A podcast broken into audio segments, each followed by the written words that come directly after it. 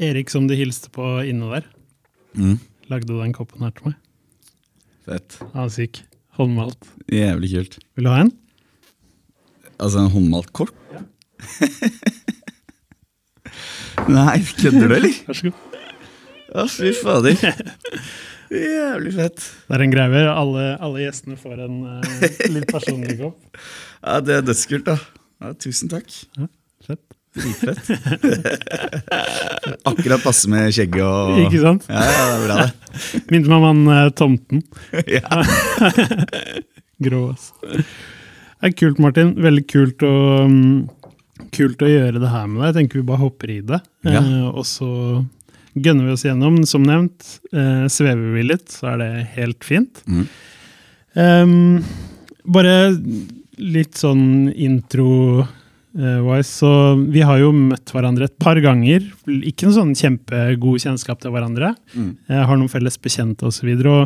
Mitt inntrykk av deg er jo at du eh, Du er uten tvil de, en av de hyggeligste jeg har møtt i musikkbransjen. No doubt. Det er liksom alltid smil, alltid en high five, alltid, alltid god stemning der. Ja, Takk skal du ha. Og så er du et ja-menneske. Sånn, hver gang jeg har spurt deg om liksom, noe, så er du sånn Ja, jeg er med. Ja, ja. Og du er alltid liksom ute og backer folk som prøver å skape ting og sånne ting. Så det er, eh, blir veldig spennende å komme liksom i dybden på det. Og hvor all, all, den, Hvor, kommer det fra?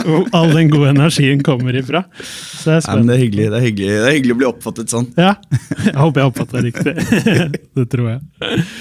Nei, så jeg bare begynne sånn enkelt. Hvorfor, hvorfor er du så god i det du driver med? Hvorfor er du Ja, du er jo en form for pioner, vil jeg si.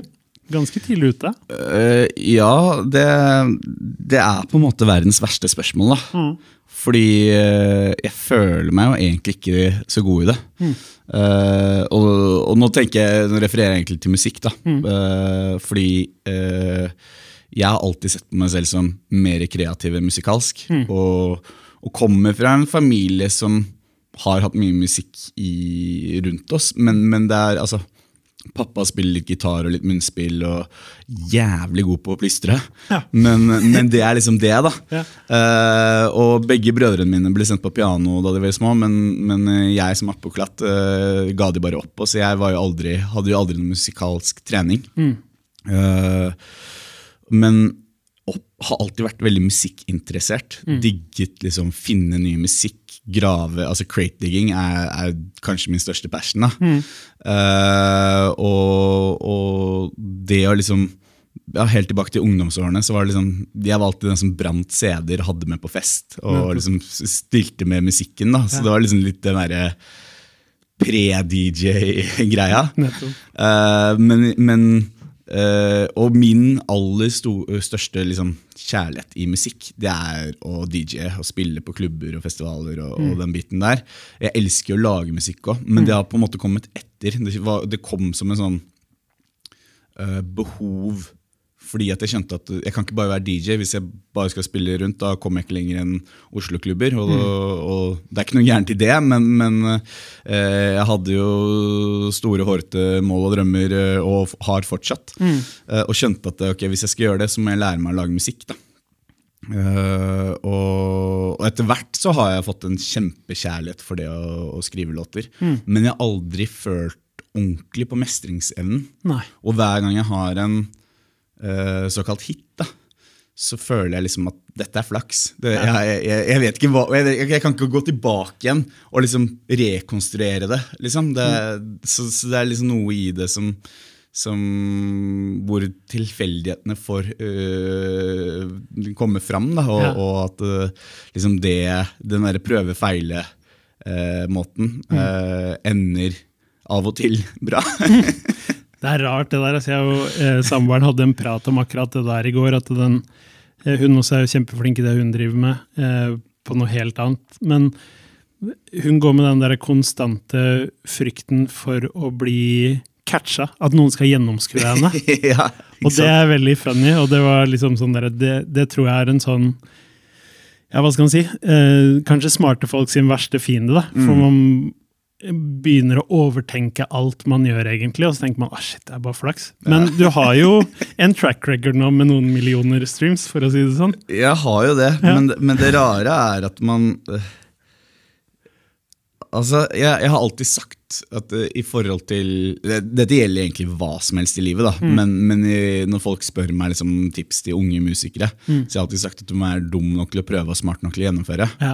Og, og det jeg legger i det, er det at øh, du En av de ja, du selvfølgelig du må ha ferdigheter, og du må kanskje ha litt flaks, Mm. men du må også ha et snev av naivitet. Fordi da jeg begynte, så var det litt sånn ja, men ok, hvis jeg får en låt på iTunes, Mm. eh, eller nå da Spotify, typ, ikke sant? Da, da har jeg made it. Ikke Ikke sant? sant? Og så fikk jeg til det, og så var det sånn, men det skjer jo ingenting. Og så var det sånn, ja, men hvis jeg får en lapp på radioen, da, hvis Ja. jeg blir spilt på P3, liksom, Ja. da, da skjer det. ikke Ikke sant? og så skjer det ikke noe. Men, men det skjer akkurat nok til at du får liksom blod på tann til å ta neste steg hele Mm. veien. da, Så du holder motivasjonen. Så du mister jo litt naivitet hver gang. Og nå, etter liksom hva er det, elleve år som profesjonell artist, så, så er jo ganske mye av den naiviteten borte. Og det, det er jo problemet for nå må jeg finne sulten på andre måter. da. Eh, men, men det derre det der å, ja, å å på en måte være liksom eh, Tenke at man skal få det til, og bare hvorfor, hvorfor kan ikke jeg få det til, og ikke andre, den er liksom veldig viktig. da. Så Det er spennende. Moro, moro at, eller sånn, det er morsomt at du er der. Jeg, jeg syns det er fascinerende så mye bekreftelse på en måte, som man har fått opp igjennom med det man har gjort. Ja, men det, det, det føles ikke sånn ut. Og, og det, det morsomste, da, for å ta en fra det siste året det, I år så ble jeg jo Spellemannsnominert mm. for første gang. Eh, og for meg så det, har det vært ikke egentlig et mål, men det er på en måte en av de få liksom sånn Kall det konkrete, håndfaste anerkjennelsen du får fra dine peers på at det, det du driver med altså du, blir, du får en eller annen legitimisering. da, ikke sant? Uh, og i musikkbransjen så er det sånn, ja, du kan vise til streams og du kan vise til plaques, og sånt, men det er liksom ikke, det er ikke så håndfast. da, ikke sant? Det er litt som den der eh, gode gamle diplomen på barneskolen. Og, og jeg tenkte liksom Og det var en av de som var sånn Faen, nå, nå har jeg liksom Nå har fått den bransjeanerkjennelsen som jeg kanskje har søkt litt etter. Allikevel så er det sånn Blir nominert, uh, og ingenting føles egentlig annerledes. Det er liksom det er tilbake til på en måte den samme gamle. Ja, men ok, ned med hodet, inn i studio, prøve å lage ny musikk. Så, så, så det er jo Man kommer aldri i mål, Nei. er vel egentlig poenget mitt. Ikke sant? Spennende. Jeg gleder meg til liksom vi kommer på spørsmålet om liksom målsetting og hva du jobber mot osv. For det er, jo, det er jo en reise der. Absolutt. Men du begynte så vidt på, på din barndom, og, eller du har noen søsken osv. Kan vi ikke bare dra typ, eh, hvor det starta, og hvor du er nå? Bare en sånn Jo, kjapp oppsummering. eh, prøve å ta den superkorte versjonen. da. Eh, moren min eh, jobbet som aerobic-instruktør da jeg var liten. Og det, mm, Jeg satt alltid liksom bakerst i gymsalen og lekte med Lego mens hun hadde disse timene. Og det var mitt kaller introduksjon til dancemusikk. da. Derfor også har jeg artistnavnet Martin Daniel. Daniel er min mors navn. Ja. Uh, mamma er fransk-canadisk. Uh, og det klinger litt bedre enn Martin Bjerke, da, i hvert fall på internasjonalt. så, så det var liksom, der kom navnet fra. Det var, eh, er en hommage til mamma, og det var på en måte mitt første møte med dansemusikk. da. Eh, så spol framover noen år, så uh, ja, så var jeg inne på det med at jeg alltid hadde med CD-er på fest. Det var jo meg og Carl, min gamle partner i CLMD. Eh, og så hadde vi en kompis til som, som var Altså Han var obsessed med lydanlegg og PA. og Ja. liksom, Han hadde en garasje på, på Jar i Værum som bare var stacka til liksom taket med PA-anlegg. Og der var det fest hver fredag og lørdag. og der var det en gammel sånn Newmark-rack. da. Så, så Carl og jeg alltid sånn ja, men Hva skjer hvis jeg liksom vrir på den knappen? Og sånn, og, og det ble liksom første introduksjonen til liksom DJ-ing. da, Og bare ble helt fascinert av liksom hva, hva kan man gjøre med det her. Og glemte egentlig det å være på fest, men bare ble opptatt av liksom musikk. Og så eskalerte det litt med at vi begynte å, å prøve å tenke ja, men hvis vi putter liksom det hooket oppe på den instrumentalen, kunne det blitt kult? Og satt liksom i Audio City da, og klippte og limte sammen audiospor. Og, og fra det liksom begynte å utvikle produksjons... eh, Eller det var liksom starten på produksjonen. Da, så, så begynte vi å lage noen låter. Og hadde jo, hadde jo det som ble Swedish House Mafia som våre store helter. altså Axwells, Bastian Ingrosso og Steve Angelo. Eh, på den tiden så var det jo individuelle artister. Uh, og prøvde bare å prøvde å lage musikk som hørtes ut som de, var egentlig greia. Det var målet. Og i 2009 så hadde vi en låt som het, en instrumental som heter The Message. Som ble liksom vår første kall det ordentlig utgivelse. Vi gitt ut på et indie-label i England. Eh, men da ble plukket opp Og dette er jo altså 2009 var på en måte starten på Swedish House Mafia. 2010 var det offisielt i gang med One og den låten med Pharrell. Og, og da liksom ble det verdensherredømme etter det. Og i, i løpet av 2009 så kom Axwell over denne låten The Message. Og så gjorde han sin egen uoffisielle remix på det, som var liksom for oss var bare sånn blåst av banen. Og så var jeg i Miami på Ultra Music Festival da de hadde sin første headliner-show der. Og de spilte den remixen. Og det var, liksom, det var det øyeblikket jeg skjønte ok, dette er det jeg skal drive med. Da.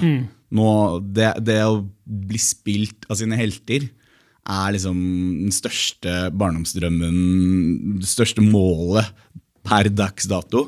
Og så har man allerede klart det liksom, i sitt første år som Ja.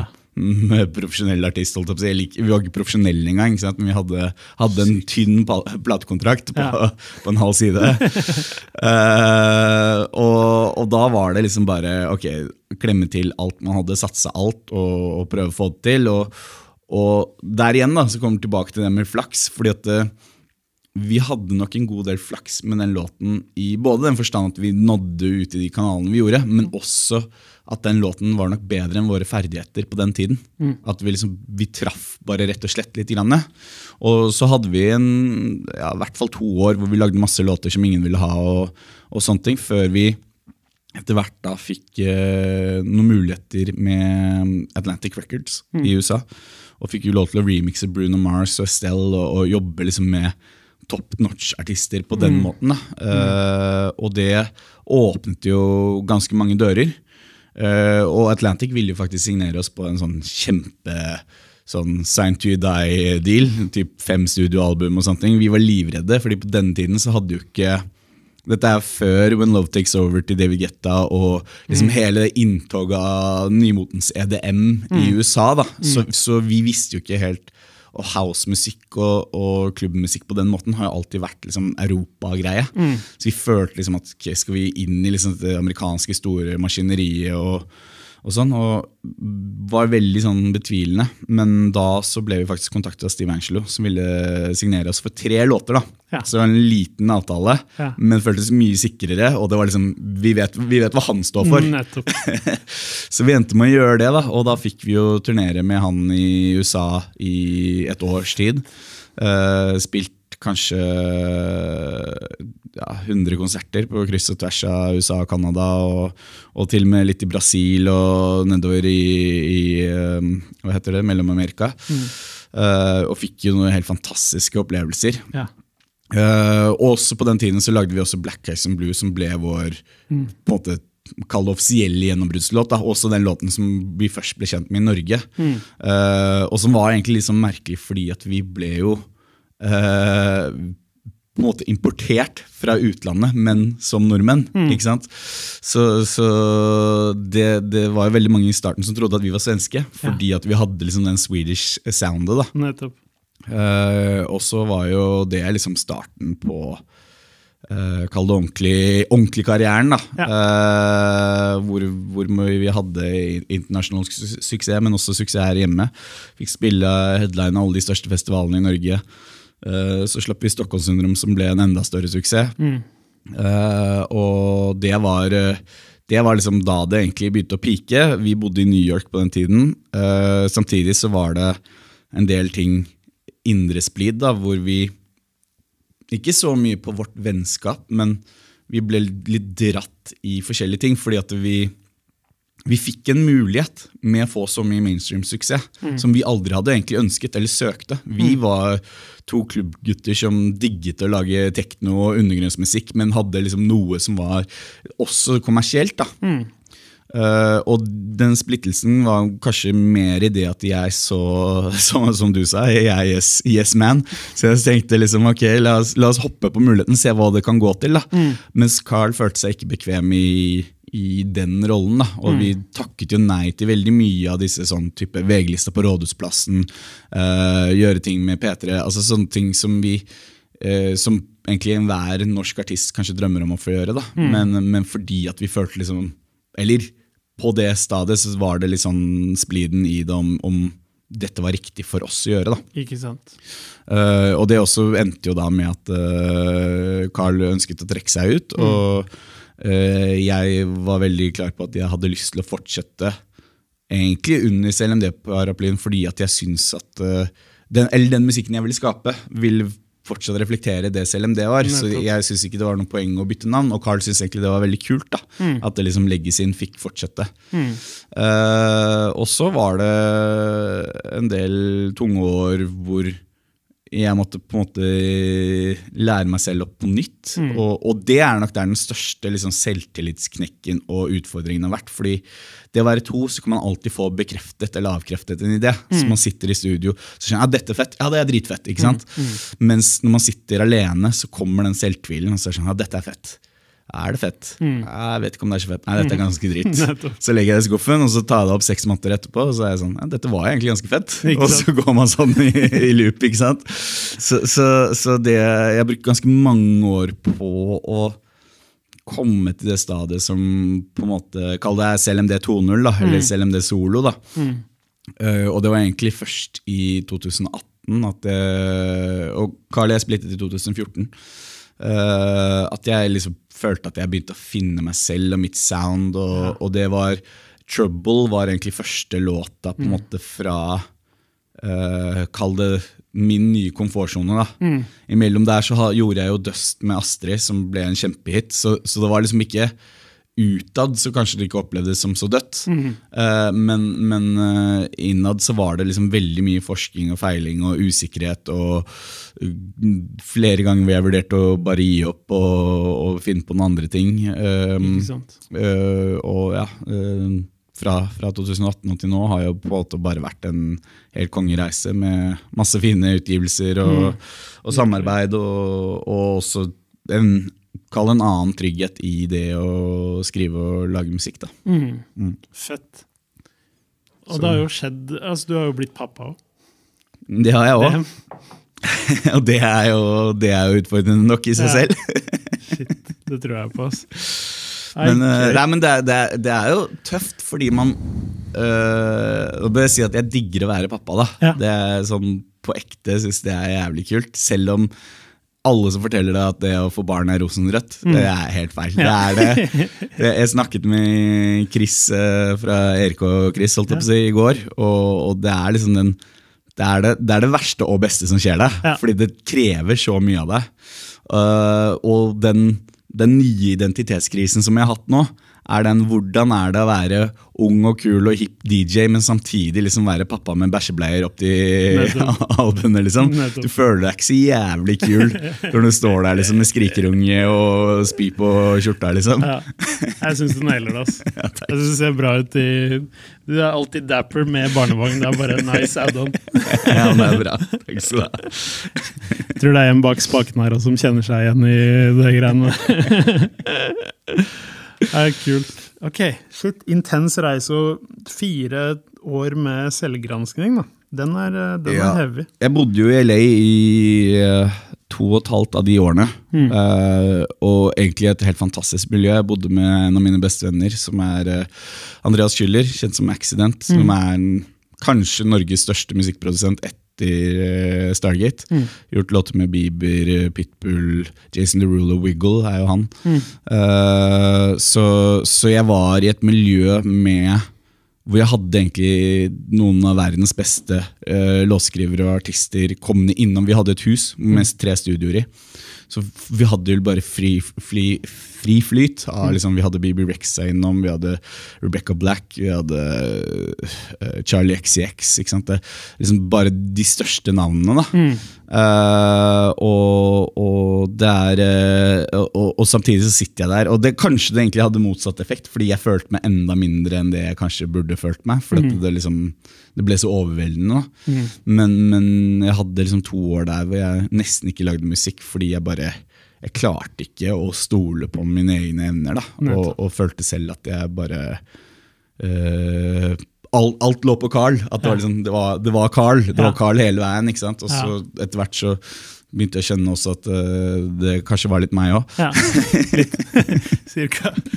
Ja, men det er rart, det der. Uh, og det også er sånn rart for meg, fordi det er sykt mange dyktige norske produsenter som mm. man ikke hører noe om. Mm. Som det Lido driver med over på andre siden. Ja, ja, ja. Eh, at du har mange. Mm. Men det man på en måte har hørt, er Stargate. Mm. På folkemunnen. Ja, ja, ja. Så det er, eh, det er, fjernt for meg at vi ikke får fanga opp det mer, og at de får mer eh, mm. publisitet. Men ja.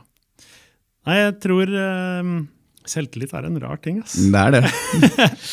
Men det, det, er jo, det er jo det henger mye i det. da, og, mm. og jeg husker også det helt i, sånn, i starten, da Carl og jeg begynte å få et gjennombrudd, så sa uh, vår norske agent sa jeg driter i hvor dere drar, bare ikke bli i Norge. Mm. Dra til New York, London, whatever. Mm. Bare kom dere bort.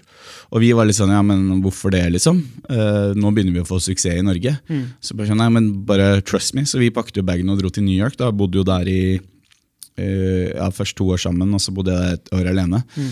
Men på de første seks månedene Vi satt liksom i en leilighet med rotte på kjøkkenet. Mm. Eh, hadde studio det vil Vi hadde Mac-en oppå en pappeske. liksom. Mm. Hadde ikke råd til noen ting. Eh, men hyra vår i Norge gikk opp med det dobbelte. Ja. Uten at vi gjorde noe som helst det første året som av betydning i, i USA. Så bare fordi at vi vi kom fra New York ja. for å spille konserter i Norge, så var vi liksom plutselig prisa. Så det var en sånn fake it to make it-taktikk da, som bare funka som bare det. Så, så det er jo noe med det å på en måte selge en drøm òg, mm. og, og, du må ha selvtilliten til å kunne selge det. ikke sant? Ja, klart. Mm. Og Voice, hvordan kom det opp inn i miksen her? ja, det, det, var litt overraskende for meg selv. Ja. Men i, eh, i 2016 så byttet jeg eh, litt om på teamet mitt mm. og fikk inn eh, Peter Peters. Mm.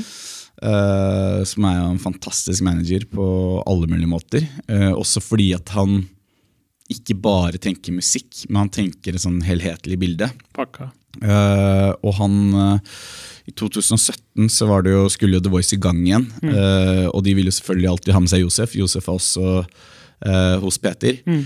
Eh, og da de hadde vel, de hadde vel egentlig satt uh, alle tre med mm. Josef, Morten og Lene. Og så mm. skulle de få inn en ny, og de ville ha en som var appellerte til det unge publikum. Og sånne ting. Og da var Peter Selje Peters på jobb, da. og sa at hva med å liksom tenke helt nytt og prøve å få inn uh, produsenten, liksom, som ja. man ikke har hatt før. da. Mm.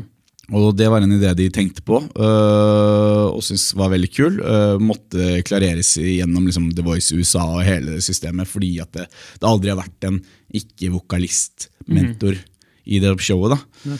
Uh, men da ble det som en sånn prøveprosjekt, og det funka veldig bra. Så jeg ble mm. invitert tilbake igjen året etter. Mm. Så det var veldig veldig kult. Uh, og en dødskul opplevelse, egentlig. Ja. Mm. Følte du at det var et skifte der i Norge på liksom hvem Martin er og det forholdet der? Eller kom det før for din del? Det, det åpnet meg nok opp til et bredere publikum. Uh, og, og det er, men det er fortsatt i dag så er det en sånn merker jeg at det er forskjell på de som på en måte følger meg og syns at det gjør fett pga. musikken min, og de som følger meg fordi de har sett meg på TV. Mm. Uh, det er ikke samme målgruppe. da. Og, og, det rare er at det er veldig vanskelig å få de til å snakke sammen, sånn mm. fra et brandperspektiv. da, mm. uh, Hvor det ultimate målet er at folk skal høre på musikken min og, og kjøpe billetter til konsertene mine. Uh, men de som på en måte har et forhold til meg fra The Voice, mm. kommer nødvendigvis ikke på konserter på den måten. Uh, og de som har forhold til meg fra musikken, har ikke egentlig fulgt med så mye på The Voice. Så jeg, så jeg, har liksom to, litt to hatter der. da. Ja. Eh, som er, eh, viser seg å være tøft å få til å kombinere. Det tror jeg på. Du har de som vil sitte hjemme og spise fredagstacoen, og så har du de som vil være på klubben på en fredag. ja, ikke sant? Jo, men det er noe med det. Ja, det er sant. Det er Men, det er, men uansett, veldig veldig kul eh, opplevelse, og helt fantastisk å kunne jobbe ved siden av Morten Harket og Lene og, Mm. og Josef. Da. Og, altså, jeg husker det første liksom, samlingsmøtet vi hadde. Mm. Hvor vi, hvor vi hadde en sånn gjennomgang av hvordan alt skulle funke, og sånn, fikk hilse litt på hverandre. Og sånne ting. Og så hadde vi også en sånn time som var bare sånn Ok, nå legger vi uh, alt på bordet av liksom bekymringer, ting man tenker på og sånne ting. Eh, han som produserte The Voice de sesongene, det var jo Mort nei, um, Paul Kjærnes, som er, eh, var med i Turboneger. Så han kom jo inn som et eh, musikkhode, da. Mm. Så han hadde nok en sånn litt annen perspektiv på å lage TV-program. Eh, og også hvordan forholde seg til andre artister enn en klassisk TV-produsent har hatt. Ikke sant? Og, og det tror jeg var en av de tingene som gjorde de sesongene magisk. Ja. Men i hvert fall da, i, i det øyeblikket så, så sa jeg det bare helt ærlig. Jeg har, jeg har hatt alle deres tre musikk på CD-er liksom, og Ja. hørt på det på promperommet. Ja. Hvordan skal jeg sitte der og kunne liksom forsvare at folk skal velge meg framfor dere? da? Mm. Det, det, det kan jeg ikke stå for. Og da husker jeg at Morten bare uh, sa til meg at uh, Martin, hvor mange hestekrefter har danskebåten? Mm. Og så sa jeg jeg vet ikke. Og så sa han nei, den har ca. 20 000. Uh, hvor mange hestekrefter har en speedbåt? Og så sa jeg jeg vet ikke, ja, 300 hestekrefter. Mm. Bare fordi danskebåten har 20 000 hestekrefter, så er den ikke spesielt fet av den grunn. Og det var så jævlig sånn Det var så jævlig, det var så jævlig Morten-måte å si det på, da. Men, men det var jævlig kult, fordi at det gikk også opp et lys at ok, her kan jeg faktisk konkurrere på det på aktualitet. da. Og, og Morten spesielt, for det var jo det var mye den første sesongen om liksom hvor hvor kanskje hard jeg var mot Morten, men Morten var ganske hard mot meg òg. og at vi, vi var liksom uh, egentlig på enig på forhånd at vi, vi pusher grensene med hverandre. Eh, og, og at vi er, liksom, er ganske klare på at ok, uh, hvis du slår hardt, så slår jeg hardt tilbake. Og at vi, vi kunne leke sånn. da. Så selv om det kanskje til tider kunne virke som at det ble liksom mye tyn den ene veien, så, så var vi internt veldig bevisste på det. Og, og har blitt veldig close i ettertid også. Så kult. Dere snakker Så- sammen fortsatt? Ja, ja, absolutt. Eh, Lene er jo faktisk blitt uh, Hun er fadder til sønnen min. Nei. Så vi Så har, fint, vi har blitt så close, faktisk. Ja, det er kult. Mm. Herregud. Ja, fordi oppfattelsen når man satt og så på det, så var jo du den Du var litt rebelsk, og du svarte litt kjapt, og det var jo veldig gøy. Det var bra TV, Ja, men det er bra. men når man har møtt deg i ettertid, så er det jo ikke den eh, feelingen eller viben man får fra deg. Nei, og det tror jeg nok handler om at uh, uh, jeg er nok ikke så på tærne privat, kan du si. Uh, det var jo også noe med settingen der hvor jeg følte at jeg måtte være litt fremoverlent i stolen for, å- for å kunne markere meg. da. Eh, for å ikke bli slukt av disse kjempene som satt ved siden av meg. Så, så, og det er jo litt sånn jeg er jo, at eh, jeg er nok ganske rolig og bedagelig egentlig, men, men i situasjoner hvor det er fight or flight, så, så fighter jeg på en måte. Ja. Så, så det er jo det er det franske temperamentet, vet du. Ja, det er bra. Det kommer godt med. Og Mamb, der er du jo inne og bidrar. Ja, Kan du fortelle litt om det? Jo, eh, Mamb startet jo ja, egentlig i 2009, men som klesmerke i 2013, var det vel. Eh, og er drevet av David Nordberg. Eh, fantastisk fin fyr. Eh, det eh, holdt på og gikk veldig bra fram til 2018. Eh, jeg hadde studio vegg i vegg med hans showroom, så jeg leide egentlig et, et rom av han da, da kom, etter at jeg kom hjem fra LA. Og vi har alltid vært liksom veldig close. Og så i 2018 så skjedde det en del privat for David som gjorde at han var nødt til å legge ned brandet og bare fokusere internt. Mm. Uh, men uh, i, ja, rett før pandemien så, så bestemte han seg for at han hadde lyst til å liksom gjøre et comeback. Da. Uh, og investorene hans var veldig på og ville liksom gi han en sjanse å, å kjøre på. Og da eh, skulle han sette i gang, og så kom pandemien, og så ble det en sånn liten sånn Ja, men hva gjør vi nå? Eh, satt han og ventet litt, og, og jobbet litt med andre ting. Eh, samtidig som at jeg underveis i pandemien begynte å gå stange veldig i veggen. Det å dra i studio hver dag, ha liksom Groundhog Day med stå opp, levere i barnehagen, studio, hjem, lage middag, holdt på å bli fullstendig gæren. Uh, og skjønte det at uh, jeg er en kreativ fyr, så jeg må bruke kreativiteten min annerledes for å få input, sånn at jeg kan gjøre uh, så at jeg ikke uh, begynner, Fordi jeg begynte å gå til et punkt hvor jeg begynte å hate å være i studio. Begynte å hate å lage musikk. Hadde det ikke noe gøy. ikke sant? Og, og for meg så mener jeg at den viktigste ingrediensen i det å skrive og lage musikk, er å ha det gøy. da. Man må, man må kunne leke seg og ikke ta det så seriøst. ikke sant? Selv om man skriver en trist låt, så må det være fortsatt rom for, for at dette er lek. da, ikke, Ikke sant? sant? Uh, og om begynte å, å i hvert fall stange masse i veggen og stor frustrasjon. Så jeg spurte David rett og slett om jeg kunne komme inn og hjelpe han som en slags type kreativ konsulent da, på, på den nye relaunchen. Og det syntes han var dritfett, så jeg begynte å jobbe hos han uh, en dag i uken cirka. Uh, hvor vi utviklet uh, en ny kolleksjon for liksom MAMB 2.0. da.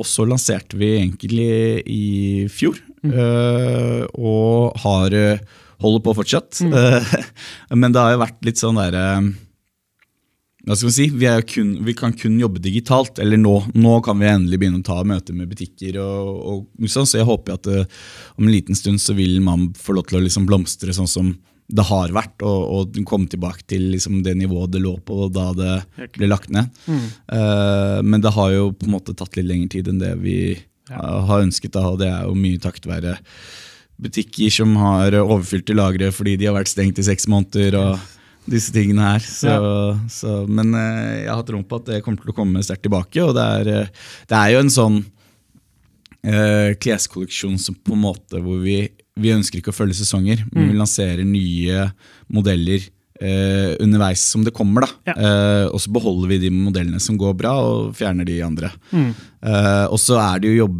jobber vi på en måte hvor vi har veldig lite deadstock. Det er alt som blir eh, Vi har liksom våre basic fits på, på T-skjorter og gensere og hoodies og sånne ting. Og så trykker vi alt for hånd hos oss. Så det er jo det er ingenting som blir overskuddsvare. da. Nettopp. Smart. Og absolutt bra å bli med på den bærekraftige greia, for der er jo klesbransjen en vei å gå.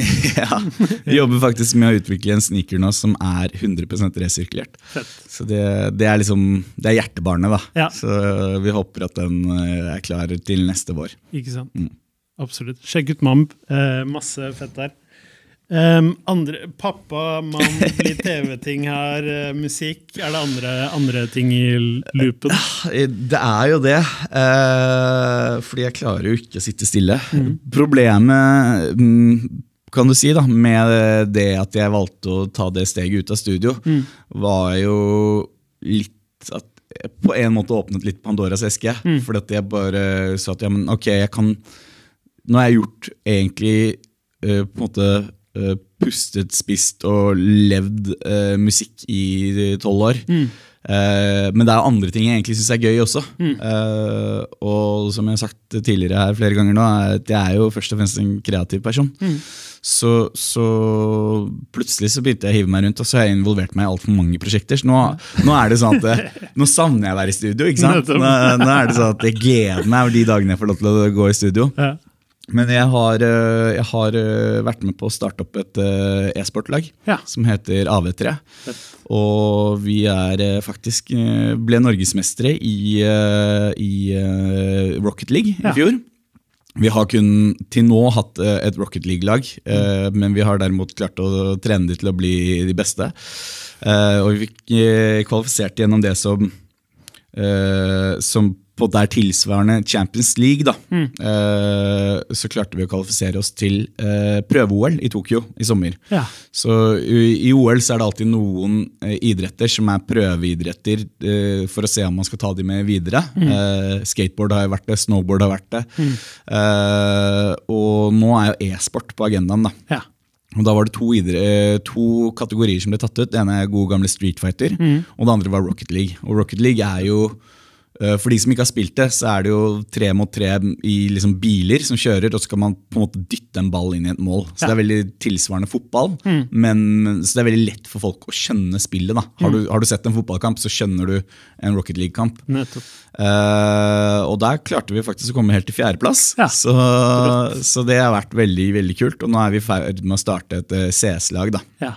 Og prøve å bygge opp det også. Så målet er jo da å bygge et eh, stort eh, lag med flere, flere spillere i flere kategorier, og, og utvikle det. da. Men, men det er basert på en sånn uh, pay it forward-ideologi. Så vi har jo arrangert turneringer hvor man uh, for, eksempel, for, for å kvalifisere så må du ikke være god, men du må ha gjort en god gjerning mot noen andre. Som for eksempel liksom, hjulpet en gammel mann over gaten er inngangsbilletten din. Ikke sant? Nettopp. Så det er liksom en, en tanke om å For det er E-sportverden er egentlig litt sånn toxic akkurat nå. Ja. Uh, I form at det er veldig sånn konkurranse, og jeg er bedre enn deg. type Mm. ting. Så det er liksom noe med å prøve gjennom dette laget å skape mer community. da, og at uh, Kanskje man kan hjelpe hverandre ved å, ved å altså, være et større team. Fint. uh, og vi har jo både en av verdens beste eh, Rocket League-trenere, som vi låner ut til de andre lagene i den norske ligaen, bare for at vi har lyst til å bygge opp det norske nivået enda mer. da.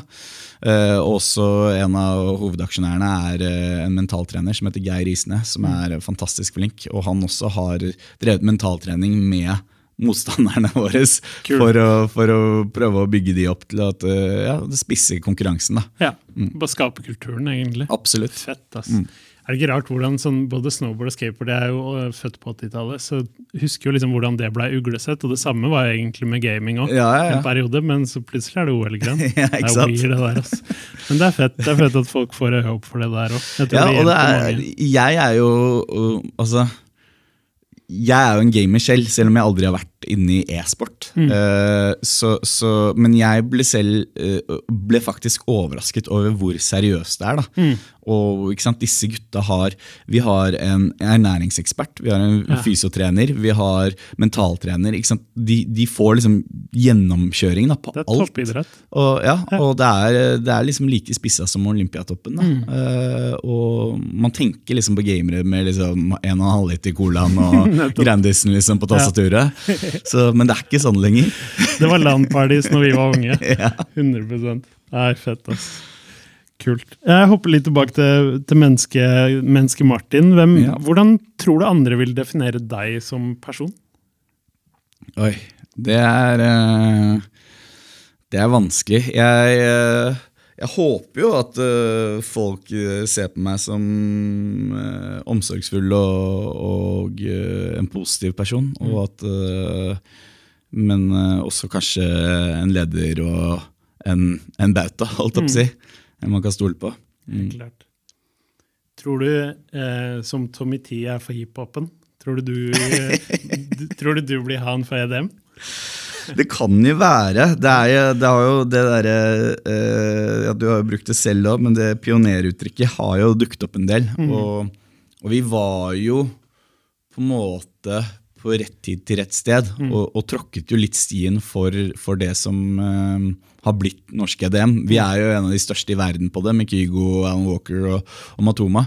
Eh, men alle de gutta har jo hørt på CLMD og, og liksom eh, fikk jo demoer fra både Alan Walker og, og Matoma lenge før de ble de de er i dag. ikke sant?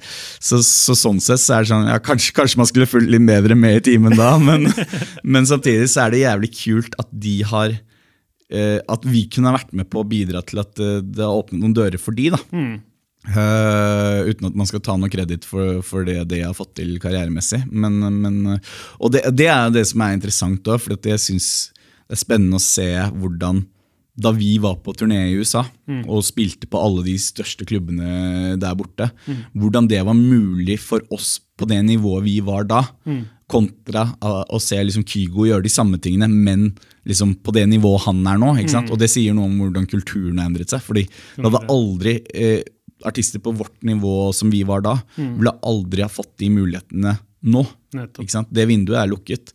Så, så, men det at vi kunne komme fra Norge og liksom spille på de råeste klubbene i Miami og Vegas og LA og New York, eh, og så ser liksom Kygo gjøre det tre år etterpå, eh, men, men på en helt annen liksom, Skala. skala, Ja. er, er jo vært dødskult. Da. Ja. ja, Men, det må eh, varme hjertet. Altså. Ja, det er jo det, men det er jo, det er jo som pionerer flest at man, man på en måte kanskje ikke får den anerkjennelsen for det man har gjort før eh, et, etter karrieren. Eh, og at det kanskje det hadde egentlig vært litt digg om noen hadde tråkket stien for oss, for da hadde vi kanskje fått enda større muligheter selv. Helt klart. Helt klart. Jeg ser den. Også. Samtidig også det er kult å, kult å se alt som kommer etter, og, og på en måte eh, hvor endgamet er til slutt. Da, Og hvordan du har vært med og dratt det lasset.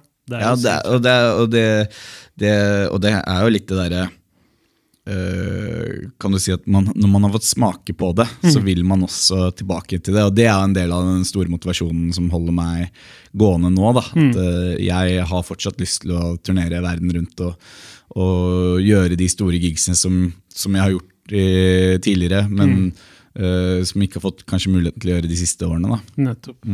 Fett. Hvor, hvordan var demonet til Alan Walker og Matoma når du fikk det? Jeg husker jeg fikk eh, Jeg husker ikke helt hva det var jeg fikk fra Alan Walker, men jeg fikk noen greier fra Matoma, og det var blant annet den, eh, den eh, Biggie-greia. Ja, Så jeg husker at jeg syntes det var dritfett. Jeg husker at han varmet opp for oss på et studentparty i Trondheim, var det vel? Ja. For BI, tror jeg. Og da var det sånn da var det På backstation så var det kamera, eh, eller TV med, med kamerastreaming fra liksom salen. Og, og han var så sykt opptatt av om vi hadde liksom sett, fått med oss settet hans. Ja. Og, og det hadde vi jo selvfølgelig, og Ja. det var jævlig kult. Så jeg husker at han liksom syntes det var jævlig fett. Helt klart. Det en, han virker som en god mann. Altså. Veldig god fyr. Helt Så, klart. Ja, Fett. Right. Eh, vi snakka litt om det i stad, men sånn konkret mål, delmål, hvordan jobber du der? Hvordan er du der nå? Uh, det, er, det er noe som på en måte har blitt mer vasket ut de siste årene. Det var, jeg var veldig sånn mye mer be- målbevisst kan du si, før. Og jeg tror det er litt sånn ja, Jeg snakket med en kompis av meg om dette bare for noen dager siden. Og, og det å Uh, Problemet mitt er at jeg har nådd et nivå hvor jeg eh, lever i hvert fall decent enough på, på det jeg gjør. Så jeg, jeg er komfortabel, jeg stresser ikke. Eh, og jeg har nok suksess til at jeg på en måte kan, kan ri det, eller jeg kan vedlikeholde det. Eh, men, men uten at jeg liksom har liksom gått igjennom taket. Eh, og og det, det som gjør det, er at man blir veldig satt i komfortsonen. Ja. ikke sant? Og så chaser man ikke, man er ikke så sulten lenger. fordi man, man er ikke villig til å ofre like mye som det jeg var da jeg var 22. da, ikke Klart. sant? Uh, og dermed så, så har jeg kanskje ikke så mye konkrete sånn da, da jeg var uh, yngre, så var det sånn vi skal spille på Tomorrowland. Ikke sant? Det, det er målet. Ikke sant? Headline alle de store festivalene rundt omkring i verden. Få en nummer én på Beatport eller på, på liksom sånn. ikke sant? Mm. få, jeg, har, jeg har på en måte nådd veldig mange av de konkrete målene jeg har satt for meg selv. Så nå handler det egentlig mer om bare å prøve å overgå mine egne evner hele veien. da. Ja. Uh, så det er litt mer sånn abstrakte mål. Ja. Eh, og så ha det, ha det mer gøy. For det, det, er på en måte en sånn lærdom som jeg har fått ut av pandemien. da. Og, og det at det liksom Jeg har hatt veldig mye dårlig samvittighet for hver gang jeg liksom har tatt en day off. Så får jeg dårlig samvittighet at eh, jeg er min egen sjef. Jeg er i en posisjon som veldig mange har lyst til å være i. Eh, I utgangspunktet heldig. Mm, Og derfor så føler jeg at jeg må, måte, jeg må bruke tiden. ikke sant? Ja. Men det spiller ingen rolle hvor mye du er i studio, Nettopp. hvis ikke du klarer å, gjøre noe fornuftig med tiden. ikke? Mm. Det er bedre å være én dag i studio og være supereffektiv den dagen, enn å sitte der syv dager og ikke gjøre en dritt. ikke? Så, så jeg, har, eh, jeg har på en måte prøvd å jobbe på den med meg selv, da, på at dette skal være gøy. Finne tilbake til liksom Det er ingen som begynner med musikk fordi det er business. Ikke sant? Man begynner med musikk fordi man syns det er fett, og Mm. man er keen på å lage noe og skape noe. man har et engasjement. Så liksom finne tilbake til ja, den naiv- naiviteten da, Ikke sant? og, og forkjærligheten, bare Ja. for, å, for å ha det gøy. ikke sant? Så jeg har jo, har jo fullt DJ-setup i studio, og det har stått og bare støvet ned. Fordi at det, liksom, det er jobben min. Så, og så er jeg, har jeg gått over de 10 000 timene jeg trenger bak et miksebord. Mm. så, så det er liksom jeg kan stille på en konsert og jeg kan trikse som Ronaldo, liksom. Uh, uten problemer. Nettopp. eh, uten at jeg trenger å trene på det. Men, men har nå tvunget meg selv til liksom, faen, ja, men la oss teste ut noen nye ting. Da. La oss stå og DJ en hel dag bare for å liksom, kose meg og ha det gøy med det. Liksom, uten at det er noe mål om å bli bedre eller av liksom, en intensjon. Da. Ja. Så, så, så jeg tror egentlig det målet jeg har nå, er å på en måte få alt det jeg med musikk til å bli litt mer recreational. Ikke sant?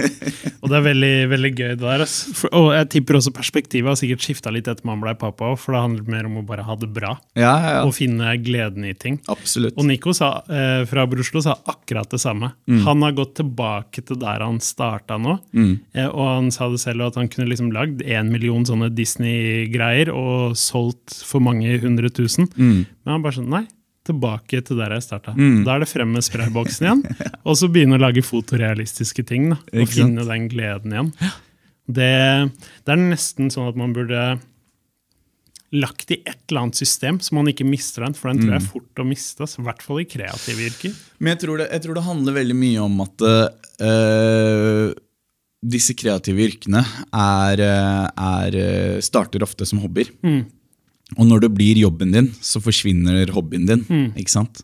Og, og hvis ikke du klarer å erstatte den hobbyen med noe, eh, så, så sitter man og ikke har noe å på en måte glede seg over. ikke sant? Og, og all den frustrasjonen og presset og tyngden av jobben din er jo også med på på en måte drepe litt av gleden ved det. ikke sant? Så, så du får et mye mer eh, balansert liksom, jobbsituasjon. Da. Eh, Du kan tenke deg en ung, eh, lovende musikkprodusent som uh, på det første han eller hun vil, er eh, når de kommer hjem fra skolen, er å sette seg ned og lage musikk. Fordi det er det de digger å gjøre. ikke sant? Nå så er jeg jo ikke Jeg har ikke lyst til å sette meg ned og lage musikk når jeg kommer hjem fra studio. Nei, ikke sant? det er det siste jeg vil. Det skjønner jeg. Så, så det, det å liksom på en måte enten finne noe annet som kan på en måte tilfredsstille den hobbygleden, og noe man har lyst til å liksom leke med, da. Eller prøve ja, å, å reversere seg selv litt og, og ta av litt av det presset. Og, og glemme litt Prøve å glemme at det er, eh, det er jobb, og prøve å finne tilbake til leken. Da. Ikke sant? Da blir det god musikk, da. Vil du bare dimme lyset litt, Sveinung, for det blinker litt? Kommer det til? Konge. Vann glemte jeg, da. Ja, ja. Nei, ikke for min del. Går det greit for deg, Martin? Nei, det går fint. Ja. Ja. Det er nice. Takk. Good. Ja, det her eh, flyter jo egentlig litt over på det vi, det vi har snakka om nå. Men har du, noe, ehm, har du noen prinsipper eller verdier som, som hjelper deg i det daglige? Finne gleden er sikkert helt der oppe, da. Ja, definitivt. Uh, jeg har um, uh, Igjen, da. Jeg har hatt det veldig tøft med, både med musikken og meg sjæl gjennom pandemien. Eh, så tøft at jeg søkte hjelp, og en av de tingene som mm, eh, for meg det handlet om, er at jeg, jeg er litt sånn prestasjonsperson. Så alt jeg vil gjøre, vil jeg gjøre, være best i. Eh, og dermed så tilegner jeg meg all energien min 100% i alt jeg gjør. Men det går ikke an å være 100% kjæreste, 100% pappa, 100 eh, musiker, 100 eh, venn. 100, ikke sant? Det er, du har ikke 500 i deg i løpet av en dag. Så du må finne ut hvordan fordele energien din. da. Uh, og det, er, eh, det har vært liksom den store questen for meg i, der. da, Og da har det satt, det er satt noen parametere for meg, og det blant annet er det at jeg har bestemt meg for at én dag i uken skal jeg ha Martin-dag. Og da skal jeg gjøre hva faen jeg vil. Uansett, uh, uten å få dårlig samvittighet. Og om det er å dra i studio, så er det å dra i studio. Nettopp. Om det er å dra på museum for å prøve å finne noe inspirasjon der, så er det det. Om det er å sitte og spille PlayStation hele dagen, så er det fine, det også. ikke sant? Men, men bare, bare ha en dag, da. Jeg tror, jeg tror det er noe som veldig mange kunne hatt nytte av. Fordi at det, du, du får sånn Vi er jo en sånn uh, saueflokk som er oppvokst til å leve for helgen. ikke sant? Så vi, vi liksom kliner til i uka, og så tar vi oss fri i helgen, og så, og så er det liksom greit. Uh, men jeg tror det at hvis man har mulighet til å bare, om det så ikke er en dag, men liksom bare noen timer som bare er liksom deg u- uten konsekvenser i, i løpet av, i, som bryter opp uken. Da. Jeg har veldig ofte det på onsdager. Uh, så, så får man lov til å på en måte være seg, og så får man en sånn liten energiladning som man tar med seg videre. Og, og jeg har vært stressa fordi at jeg har tenkt Altså Mitt store problem etter at det liksom, jeg og psykologen min kom fram til det her, var det at uh, Uh, Ja, det funker jævlig bra. Mm. funker dritbra. Kom meg ut av funken min og, og, og sånn. Men, men jeg kan ikke drive og leve hele livet mitt på 60 Ikke sant? Og så ja, sa da psykologen min til meg at ja, men kanskje dette er egentlig din 100% da. Fordi nå, nå er du god på alt, og du har overskudd, og du, du på en måte får de, det du trenger for å lade. Eh, og at kanskje du har egentlig levd på liksom 150 og, og det er ikke noe som er sustainable i lengden. ikke sant? Nettopp. Så, så jeg tror at det i hvert fall eh, råd til alle som jobber kreativt og på en måte er sin egen sjef. Da. Det er jo ikke så lett hvis, du, hvis man jobber i et firma og sånn og bare sier 'snakkes'. Men hvis du er din egen sjef, så er det lov til å, å ta pauser. Som, som, fordi man blir mer kreativ av det også. Man får, man får liksom renset hodet og, og kommer inn frisk. Da. Mm. Ja, godt, godt sagt. Og jeg, jeg skjønner veldig godt eh, hva du mener òg, eh, med tanke på at hvis man ikke er sin egen sjef, så er det kanskje vanskelig. Men bare sånn oppfordring til de som hører på. Har du en sjef, og du leverer bedre på alle plan hvis du får en halv dag eh, ekstra til deg selv, spør, ass. Snakk om det, vær åpen om det. Eh, for det gjør bare at du leverer bedre når du først er på jobb også. Ja, det er nettopp det. Helt klart. Ja, den er fin, ass. Ja, det, er, det er den klassiske jobbe hardt eller jobbe smart. Mm. Helt klart. Helt klart. Jobb smart. Det er bærekraftig, akkurat som du sier. Nei, fett. Ok. Eh, har du et sånn tydelig turning point i livet ditt, eller har det vært flere småhendelser som har forma deg og fått deg på den veien du er på? Nei, det har jo vært kanskje et par sånne tydelige uh, punkter. Eh, det ene var jo helt klart det uh, som jeg fortalte om med Swedish House Mafia, som gjorde at bare ok, men musikk er det jeg må drive med. Det var, fordi, fordi jeg har alltid tenkt på det som litt sånn tilfeldig at jeg begynte med musikk. For det kunne like gjerne vært Jeg var dritgira på video og lage filmer. Og lagde liksom skifilmer og, og skatefilmer og, og liksom hobbymusikkvideoer.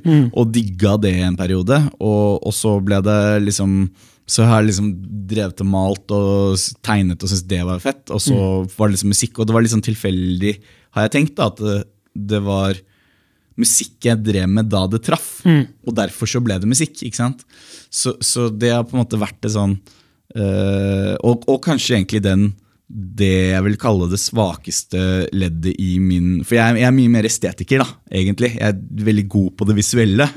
Eh, og, og igjen da, tilbake til det at jeg ikke er musikalsk trent, så det kom jo som en sånn utfordring den veien. Men at det var musikk det skulle bli, på en måte ble jeg jo overbevist om i den settingen i, i 2010. da. Eh, Og det var, det var eh, helt klart et vendepunkt. Et annet vendepunkt var jo også da Carl og jeg splitta. Fordi vi gjorde jo dette som to kompiser ikke sant? som hadde det jævlig fett med det her. Og så plutselig så skal jeg stå i det alene. Og øh, selv om jeg har et kjempebra team rundt meg, så blir man veldig ensom. da. Og så er det liksom en men var ikke dette egentlig bare en kompisgreie? ikke sant? Og, og når du gjør en kompisgreie alene, så er det ikke veldig kult. da. Så det, så det å liksom finne ut hvordan har jeg det fortsatt gøy med det her, og, og øh, vil leve av dette øh, alene, øh, det har definitivt vært et, øh, et annet vendepunkt. Og, og så tror jeg også det det tredje og kanskje litt mindre øh, sånn sett, var da jeg kom hjem fra USA. mm, øh, Ble jo sammen med Alexandra, som jeg er sammen med i dag, mm. og har barn med. øh, Og også fant liksom fant hjem litt. Grann, fant litt sånn trygghet i henne og det å liksom at det er greit å ikke være i det store utlandet. Fra liksom det at vi måtte ut i starten av karrieren, til at det er helt kult å være her. Og også det eh, møtet og samarbeidet og vennskapet jeg har fått med Skinny Days. Ja. Vi deler jo studio i dag. Eh, de har blitt eh, mine beste venner. Eh, og vi lager jo veldig veldig mye musikk sammen. Eh, både for liksom CLMD-prosjektet, men for andre ting også. Eh, og, og det å store lyset som gikk opp for meg, fra å liksom komme fra LA, hvor jeg fikk jobbe med verdens beste låtskrivere, til å komme hjem og jobbe med to karer som er helt sinnssykt flinke. Og egentlig på det nivået, men bare ikke har den anerkjennelsen. Nettopp. Men det der, er hvor mye viktigere det er å ha en eh, hva skal man kalle en klikk, da, eller eh, folk som du viber med. Kontra liksom, Det hjelper ikke hvor mye meritter du har, da, hvis, eh, hvis du ikke liksom har det der eh, båndet i studio. ikke sant?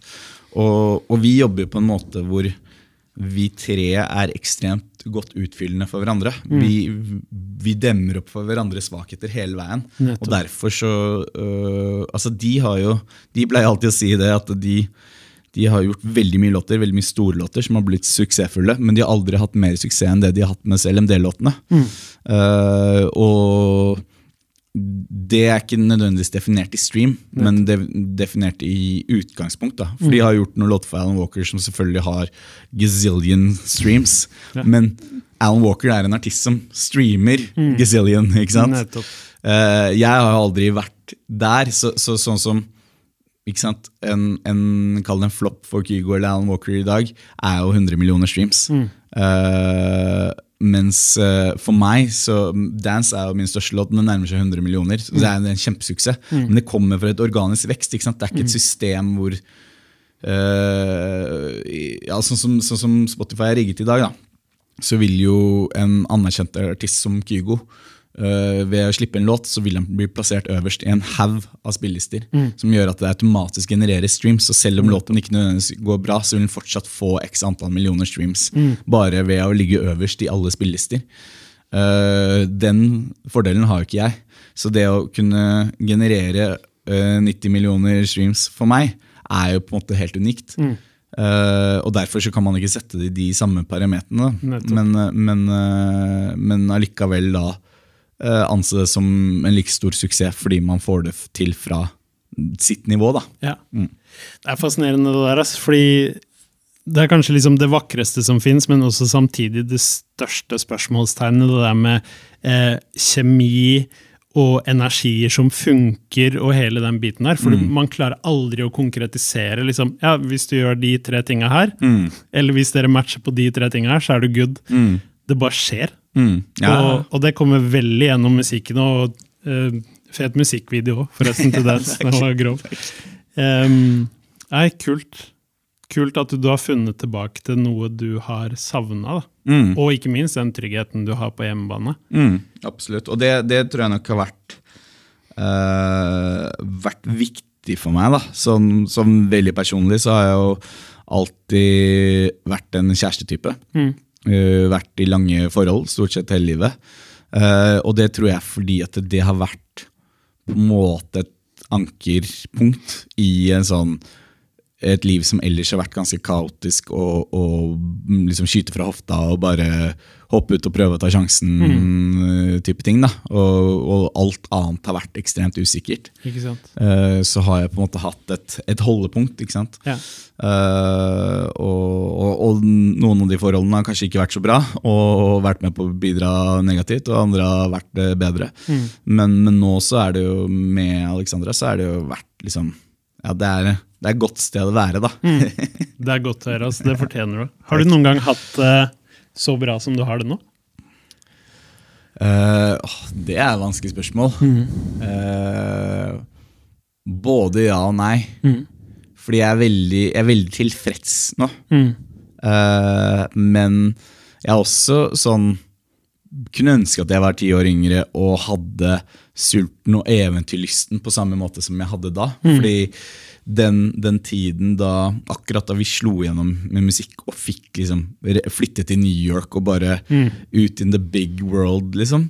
Det, det var ganske så magisk øyeblikk, da. Ja. Og, og jeg har vært veldig dårlig på å på en måte se eh, nåtiden i, i livet mitt. Og se, jeg kan tenke tilbake på at ja, det der var egentlig ganske fett. Men akkurat liksom de, den perioden der, den første første runden med, Vi hadde en sånn runde i det må ha vært 2011-2012, hvor vi spilte support for eh, Tiesto i Oslo Spektrum eh, på typ fredagen. Og så lørdag så spilte vi Governors Island i New York med Steve Angelo.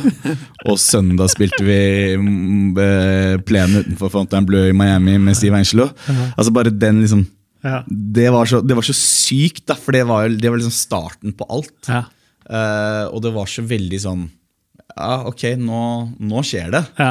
Så, så, så det, er, det er sånn minne jeg har som på en måte er sånn Fy fader, da var det var sånn dette Det var sånn overveldende lykkerus, sant? hallelujastemning. Så, så, men, eh, men, eh, så det er liksom Definisjonen av enkeltøyeblikker eller tids... Hva kaller man alder? Eller, Mm. ja. uh, og jeg er veldig, jeg er veldig fornøyd nå. Mm. Uh, igjen da, veldig komfortabel i, i situasjonen min. Ikke sant? Jeg ser den, og så er det noe med at når man er i de, sikkert i de mest ekstreme situasjonene, så tenker man bare utføre jobb og neste. Ja, ja men, ja, men det, er noe, det er noe med det. Og, og jeg ville aldri vært foruten det at eh, livet på en måte er litt berg-og-dal-bante. da. Mm. Tenke på det at hvis, hvis jeg hadde liksom valgt å studere og fått meg en safe eh, jobb sikkert i et eller annet kreativt byrå, Mm. så hadde jeg antageligvis levd et liv som var litt sånn litt opp og litt ned. Mm. Mens nå så har jeg hatt liksom store høyder og store bånder, men, men jeg ville på en måte altså det er, Du, du chaser en lykkerus, da. Ja. ikke sant? Som, som jeg tror få egentlig får kjenne på. Mm. Uh, og det er liksom de toppene da, som man vil, man vil ha, ikke sant? Mm. Helt klart. I hvert fall når man har fått smake på det. tenker jeg. ja. Ja, helt klart. Var det, var det var st- Hva er største arenaen du har spilt på? Så hvor mange mennesker var det der? Uh, det var faktisk uh, en annen syk historie, men eh, Madonna spilte jo til Telenor Arena Ja. I 2012. Alesso skulle varme opp for Madonna, Ja. og Alesso rakk ikke flyet sitt fra Ibiza. ja. Så vi fikk en telefon og var sånn Er dere hypp på å gjøre det? Dere er fra Snarra, så det, det er rett borti gatene, er det ikke det? Så skal vi liksom på to timer forberede oss til å spille foran 23 000 mennesker? ja. Verdens største diva. Så det var liksom sånn Det, det, det er i hvert fall det sykeste jeg har opplevd. Og så har jeg, har jeg vært med på et par festivaler hvor det kanskje har vært liksom opp mot de, de tallene der. Men, men det var definitivt liksom sånn ja, Det, det er karrierehighlight Ja. på mange mulige måter. Ja. Uh, ja. Så det, det er nok kanskje det største også. Ja. Fett. Har du noen eh, Swedish House Mafia nevner du jo, men forbilder og hvorfor de er forbilder? Har du flere enn de? Ja, eh, Swedish House Mafia var jo på mange måter det. Veldig mye i starten. Og og også Erik Pryds. Og selvfølgelig Røykesopp. Røykesopp mm. Jeg elsker Røykesopp, har alltid elsket de. Og, og vært liksom stor inspirasjonskilde, da.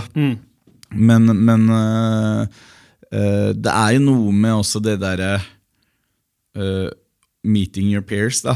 Hvor, hvor noe av kanskje det derre eh, Mystiske ja, og magiske. magiske Mm. forsvinner litt. Grann. Eh, men jeg, jeg er mer sånn Jeg vet ikke om jeg har så mye forbilder på den måten lenger, Mm. men jeg har veldig sånn Jeg har en del uh, andre produsenter og låtskrivere som jeg respekterer og, og sånn sett ser opp til. da. Mm, mm.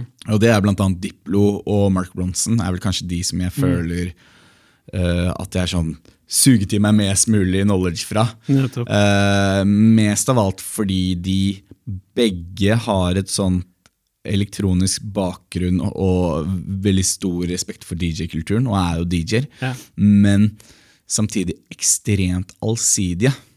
Og, og jeg kommer jo fra en sånn derre Hva skal man kalle det? Sånn purist-nisje-greie med bare skal bare, bare lage housemusikk. ikke sant? Til å se hvordan de liksom, i det ene øyeblikket kan slippe et liksom, house-album, og så går de og lager noe pop for Beyoncé, og så er det liksom noe Justin Bieber-greier, og så er det noe Dua Lipa. Bruno Ja, Mars, og så bare det er liksom, og det, Alt høres forskjellig ut, liksom. Det er, ikke, det, er ikke noe, det er ikke noe rød tråd. Det er bare så vanvittig stor allsidighet og forståelse for eh, sjangerbeherskelse, da. Som er eh, helt unikt, og derfor så så syns jeg de er helt uvurderlige innenfor det de gjør. Helt klart. Um, og så er jeg, er jeg jo ekstremt inspirert av Virgil Abloh. Da. Jeg syns jo også han uh, Det han har fått til, både fra liksom designperspektiv, men også som artist, som, som DJ selv, og, og det, har, det har vært med på å åpne øynene mine for at man kan gjøre flere ting på en gang. da. Helt klart. Eh, og, og også at han har klart å liksom gå fra bootleg eh, Ralph Lauren-skjorter til å bli liksom head of creative director Mm. for Louis Vuitton. Er liksom, det er en umulig reise, da. Mm. Men, eh, men får det til likevel. Ja. Og det er ganske kult. Ja, helt klart. Og spesielt sånn som med, med han, så tenker jeg at vi er jo veldig opptatt av på en måte sette folk i bås, sånn at vi klarer å forstå dem. Eh, men eh, ja, hva er Martin Daniel? Du trenger jo ikke å svare på det, på en måte.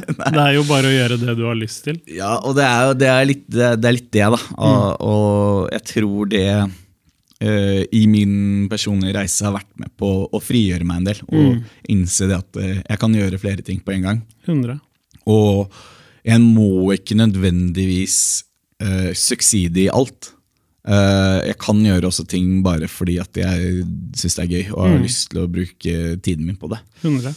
Um, og det er litt sånn nøkler som, som har åpnet seg de siste årene. da. Mm. Fett. Ehm, hva er den største feilen du har gjort, og fikk du noe ut av det? uh, oi, det er uh... Skulle du signert på den eh, kontrakten i USA? Det er nok kanskje en av de tingene jeg har tenkt mest på. Ja. Samtidig som at jeg tror Jeg tror vet jo ikke, da, men jeg tror at det var et riktig valg Ja. i forhold til hvor jeg var hen da. Mm. Samtidig så ser man jo i retrospekt at uh, eh, EDM funket ganske greit i USA. Og det å være i et av verdens største plateselskap som liksom en av Altså, det var, det var to karer Eller det var, det var tre acts som de liksom satset litt på på den tiden, og som fikk gjøre en del av disse remixene. Eh, den ene er ikke så viktig, den andre var oss, og den tredje var Skrillex. ja. Og hvis jeg var Skrillex sendt opp Jeg sier ikke at vi hadde fått det samme, men, men den uh, Bruno Mars Just The Way You Are, som er førstesingeren til Bruno, den var det liksom, det var remix av oss og Skrillex. Ja. Og ingen av oss var kjente på den tiden da. Nettopp. Så, så det var jo Det er litt sånn der Shit, kunne vi ha fått liksom Skrillex-mulighetene? Ja. Det vet man jo ikke. Det handler jo om så mye annet òg. Men, men jeg tror liksom det eh, Ja, det, det var litt sånn uh, Shit, hva hvis-type ting, da. Nettopp. Det er ikke en feil nødvendigvis. det er en Mm. Nei, bevis. ja. uh, nei, jeg vet, jeg vet ikke om jeg egentlig har gjort så mye grove feil. Uh, annet enn å prøve og feile, men jeg føler jo at man, man lærer av det hele veien. Eh, jeg, jeg kunne ønske kanskje at jeg hadde eh, prøvd meg litt lenger i New York enn en det jeg gjorde. Uh, for det, det ble jo liksom Slutten på Carl og meg ble jo også slutten på New York. Og planen min var egentlig å reise tilbake igjen. uh, men så ble jeg liksom sittende på gjerdet og litt sånn usikker på hva jeg ville gjøre med karrieren min selv. da. Eh, og, og derfor så dro jeg aldri tilbake igjen, og så ble jeg jo lurt til LA. Uh, som på en måte var det beste og verste eh, tiden i livet mitt. Eh, så det kan jo på mange måter si at kanskje jeg ikke skulle dratt til LA. Ikke sant? Selv om jeg ikke ville vært foruten erfaringen. Klart. Men det er jo godt svar på spørsmålet, egentlig. da. Ja, helt klart. Det er mye sånne um, ja, jeg, jeg føler det er mye veivalg, da. Mm, Som er sånn hva, Det hadde vært gøy å kikke hva som hadde skjedd ned den døren der, da. nettopp. Så, så Men, men jeg, jeg vet ikke. Jeg, jeg, jeg er veldig intuitiv og følger uh, instinktene mine mer enn jeg, enn jeg er rasjonell og, og sånn. Og, og går, liksom, går veldig mye i magefølelsen, og jeg føler at det liksom har funket. Mm, tydeligvis. Eh, har du ofra noe på veien? Ja, det har jeg. Ja. Det er mye. Det er mye øh, Altså, det er mye vennetid. Mye sosial øh, biten. uh, mye øh, muligheter, øh, ten- føler jeg, da, i forhold til både, både liksom ting man kanskje har gått glipp av i livet som, som andre har fått oppleve. Mm. Spesielt kjente jeg på dette i forhold til studentlivet, Ja. eh, da alle mine venner studerte. Og Carl og jeg satt liksom i kjelleren til foreldrene hans på Snarøya i liksom basement studio og trodde vi skulle bli rockestjerner. ikke sant? Og, og hadde ikke råd til å bli med ut på byen, hadde ikke råd til å liksom være med på noen ting. Så på de var på fadderuker og liksom gå glipp av alt det sosiale. da. Eh, det var, det var der, eh, der kjente man veldig på det, men det er også en sånn der, uh, periode av livet hvor man kanskje blir mye FOMO. da. Eh, og så er det jo mye sånne eh, Kall det lange kvelder i studio og sånne ting som på at det har gått på ofring av personlig liv og, og eh, kjærester og, og sånne ting, hvor, hvor man jeg har måttet prioritere, da, og, og hvor det har resultert i at man kanskje ikke har gått videre i, i forholdet pga. de tingene der. Nettopp. Så det har jo vært, eh, vært mye i å ta, da. Men, eh, men man må jo være villig til å ofre hvis man skal lykkes i sånne type bransjer. da. Helt klart. Så, så det er eh, men, men jeg føler ikke Jeg føler ikke at jeg har gjort noen vondt med det. Nettopp. Og det, det har liksom vært viktig for meg. da. Det er godt å ha ryggen fri der, Altså. Ja, Ja. Så, så, så det er liksom Jeg har ikke, jeg har ikke tråkka over noe lik. Ikke sant? Det er akkurat det. Og en ting som du nevnte i stad, at du har jo pusha deg selv og hodet ditt og kroppen din ganske langt, så man må jo gjøre en ryddig jobb i ettertid i forhold til det mentale også. Ja, absolutt. Så det har man jo også på en måte ofra. absolutt. Shit.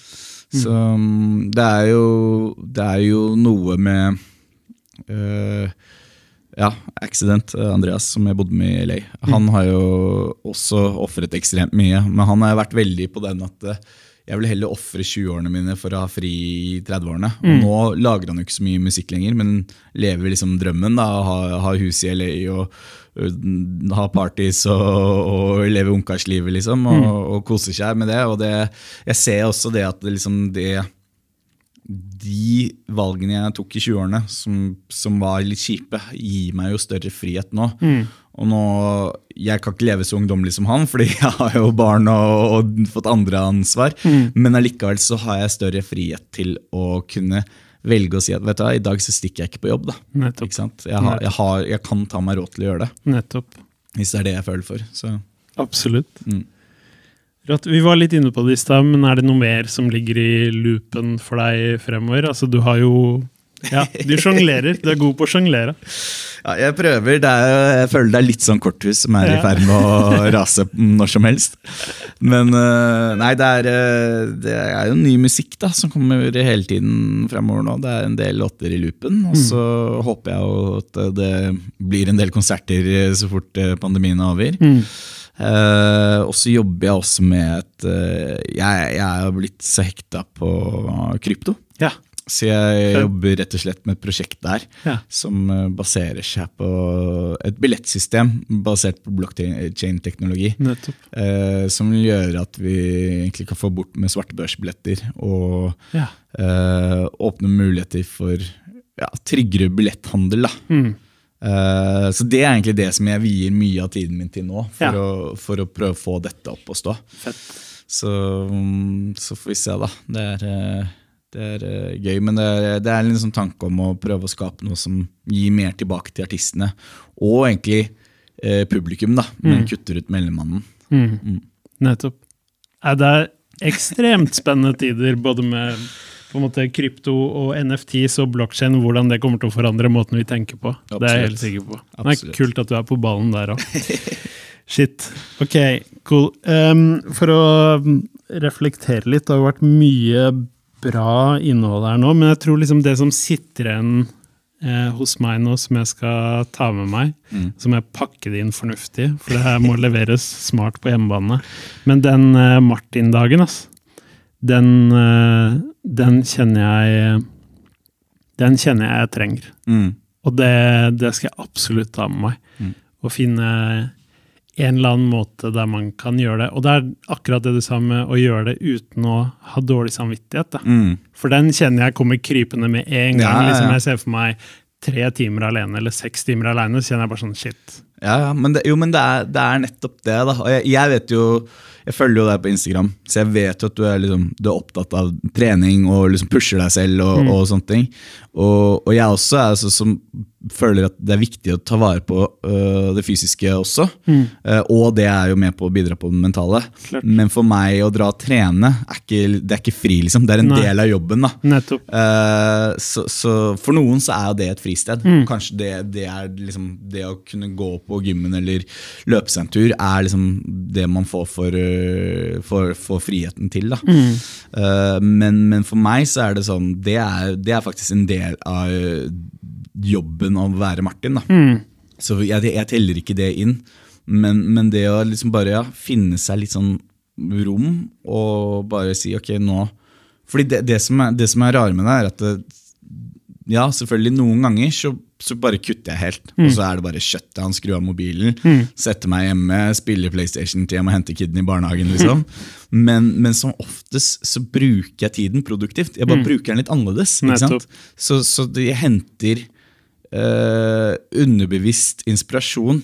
Som, som for eksempel at jeg, jeg er veldig glad i kunst. Så det å gå på museum, eh, eller ta en tur ut i Broslo, ikke sant? og bare sitte og snakke piss med Jonny og Nico i, i en time, liksom. Og så gå hjem, og så, og så dagen etter så bare men faen, jeg, liksom, Det henger i bakhodet. Det, jeg har lyst til å ta med det inn i studio. ikke sant? Nettopp. Så, så, så det er ikke Det er en sånn Hva kaller man underbevisst lading inn i det der. Du tar bare, Det er som en eh, pil og bue. da Du trekker bare liksom snoren tilbake. Nettopp. ikke sant? Så, så, så det er liksom veldig ofte tror jeg, for personer som oss, da, som, som er kreative og har lyst til å liksom skape ting på egen hånd, eh, at det bare Det å ta liksom et steg tilbake egentlig bare er med på å bidra at det blir mer, mer krutt framover. Ja, og det tror, det tror jeg er den letteste måten for meg å på en måte eh, ikke føle at jeg må forsvare det. Da. At det gjør meg faktisk bedre. Jeg må huske det. Ja? Det tror jeg er gull. ass. Jeg har jo, jeg har blitt hekta på golf, Ja. så nå har det blitt litt sånn at de, ofte de dagene eh, eh, hvor jeg tar en Martin-dag, så, så går jeg en golfrunde. Og, og golf handler ikke egentlig så mye om spillet. Ja, det er gøy å spille golf, men det er bare det å være Gå i sine egne tanker. eh, og, og liksom bare den eneste oppgaven du har, er å chase den jævla lille hvite ballen. liksom. Og, og det, det er så, det er så Jo, men det er sånn, jeg har også en annen ting da, som jeg har drevet veldig mye med. Eh, det er eh, at jeg elsker å male leiligheten. Fordi arbeidsoppgaven av Ja. å male, Ja. bare stå og rulle opp og ned, liksom. Ja. det, er, det, er så, det er så basis. Ja. Så selv om altså All respekt til flinke malere, for dette eh, nå sist gang nå så har vi fått leiligheten malt profesjonelt, og det ser jævlig mye bedre ut enn når jeg gjør det selv. Men, men, men liksom bare liksom handlingsmønsteret da, av liksom bare ok, jeg skal få denne veggen fra å være blå til å bli rosa, og jeg skal gjøre det ved å bare stryke opp og ned. liksom. Det, det, det, det å simplifisere arbeidsoppgavene fra å egentlig har liksom 100 tanker i hodet samtidig som er ekstremt kompliserte og skal få til å gå opp, det er terapi. da. Ja. Ikke sant? ja. Så, og, og, det er litt samme med golf for meg. da. Det er liksom, Alt jeg skal gjøre, er bare å slå den ballen fra den ene siden til den andre siden. liksom, Og få den i den lille koppen. Og det, det, er, det er det jeg har å tenke på nå. Og det, det gjør at det bare ja, hodet liksom skrur seg litt av og får en liksom pause. da. Ja. Shit. Takk for tips. Det var, eh, den skal jeg ta med. meg. Jeg skal, jeg skal utføre det. Ja, men det er bra. Helt klart. Det er bra. Jeg har lyst til å dele opp siste spørsmål i, i, i to deler, egentlig. Em, vi kan ta den til uh, kidsa som på en måte uh, vil på den reisen du er på, eller, uh, eller vil lage musikk. Da. Hva vil du gi dem noe konkret liksom, tips? Noe de kan holde i? Nei, det, er, det er tilbake til det jeg sa innledningsvis, med at man er dum nok til å prøve og smart nok til å gjennomføre. Ikke sant? Hadde jeg, og det, det her er jeg brutalt ærlig på til alle som spør meg. Hadde jeg visst det jeg vet i dag, så hadde jeg aldri begynt. Ikke sant? Aldri i verden. Jeg kan bare drite i. Så vanskelig er det. Ja. Altså, Jeg leste for noen år siden i, i Billboard at det er kun 2% av alle som driver med musikk, som klarer å leve av det. Nettopp. Det vil si at det er 98% arbeidsledighet i musikkbransjen. Ja. Eh, eller i hvert fall blant musikere. da. Ja. Og, og vi vet jo alle hvor mye Taylor Swift og Justin Bieber og Billie Eilish tjener på toppen der. ikke sant? Så det er klart at den ene 0,01 prosenten tar 99% av de pengene som faktisk er der. Nettopp. Så, så, så med man, man tenker aldri på kanskje det økonomiske rundt det, men jo eldre du blir, jo mer ansvar du får, eh, jo viktigere er det å ha noe å leve av. Eh, og, og, det å, og det å ha noe å leve av er uh, på en måte alfa og omega for å kunne fortsette å drive med det. Klart. Så, så selv om man kanskje ikke har det som fokus i starten av karrieren sin Og jeg har aldri egentlig hatt det, så lenge jeg på en måte har klart å betale husleia. Uh, Fram til nå hvor jeg har ansvar for et annet lite menneske, og, og, og man må begynne å tenke annerledes sånn. Men, men det er så jævlig tøft i den bransjen her. 60 000 låter hver dag Ja. på Spotify. ja. Så du må, du, må, du må virkelig ville, da. Og så må du virkelig gjøre liksom alt for å få det til. Ja. Uh, og en av de Nå er jo Gamet har jo endret seg ganske mye på de siste tiårene. Mm. Men en av de tingene som, som eh, eh, jeg drev med masse før vi ble signa, det var å sende mail til alle plateselskap. Sendte, sendte demoer til de hver uke. liksom. Og jeg fikk så mange nei. Fikk så mange flere, Eller mange svarte jo ikke, men noen fikk jeg nei fra. Og jeg husker én spesielt som var sånn Ja, vi har fått denne og de 15 andre mailsene du har sendt. Slutt å sende oss mail, vi er ikke interessert. ikke sant? Og det er jo nok til å knekke spiriten til de aller fleste unge, liksom. Men, men jeg ga meg faen ikke, da. Og, og det er liksom noe med det at man må, man må bare du må stikke det ut, og, og ikke tro at noen ting kommer gratis. Ikke sant? Og du må elske det du driver med, ellers er det bare slutt med Ja, en gang. ja. Faktisk. Og, og så er det også det eh, eh, Hvis man tar det liksom steget videre, da, at det- det er veldig mange som ikke veldig mange, men det er noen som får det til, og så får de suksess. Og så tror man at det er sånn det er. Og jeg var selv der da vi først slo gjennom. Det er sånn, men dette var egentlig ikke så vanskelig. Men i musikkbransjen så er du aldri mer populær eller interessant, for, spesielt for bransjen, enn det du er som nyaksjen. Så idet du slår igjennom, idet du liksom er ny artist, så er du på den toppen, og så går det bare sakte, men sikkert nedover før du enten forsvinner, eller du får en sakte rise tilbake. Nettopp. Og sånn er det med nesten alle artister Ja. du har der ute. Uh, og, og eh, det er veldig mange som faller av etter den første waven. da. Shit, det er mange. Uh, og, og det er, eh, det er Så det er et godt tips hvis du først får det til. Mm. Så ikke tro at det blir som det er de første året Nettopp. forever. liksom For Det det, da- kom, det kommer nye bak deg. Det er da jobben begynner. Ja, egentlig. egentlig. Og det er der du må stikke to ut. Ikke sant? For det er, det er, den, det er tøft, den perioden hvor du plutselig står der, og alle som syns du var kul å komme opp til deg i starten, bare anser det ikke at de kjenner deg engang. Liksom. Mhm. Og, og du står der og tenker men faen, du, du ville liksom henge i forrige uke, liksom. Hvorfor, hvorfor vil du ikke snakke med meg nå? Nettopp. Og, og det, er, det er en sånn psykisk knekk som jeg tror veldig mange ikke kommer seg gjennom. Da. Mm. Ja, det, og det har man sett mange ganger. Mm. Heftig. Eh, hvis du hadde møtt eh, en eh, Martin som eh, var hjemme og brant CD-er nå, hva, hvilke råd ville du gitt han? Uh, annet enn å ikke begynne? Eh, jeg, tror jeg, jeg tror jeg ville Jeg tror jeg ville bedt han om å studere mer musikk. Gå inn i musikkteorien. For det, det Jeg syns alltid det var dritskummelt. Så det tok meg lang tid før jeg fikk den musikalske forståelsen da, eh, av det te teoretiske. Eh, og det tror jeg, hvis jeg hadde kunnet det tidligere, så kunne jeg utviklet meg fortere.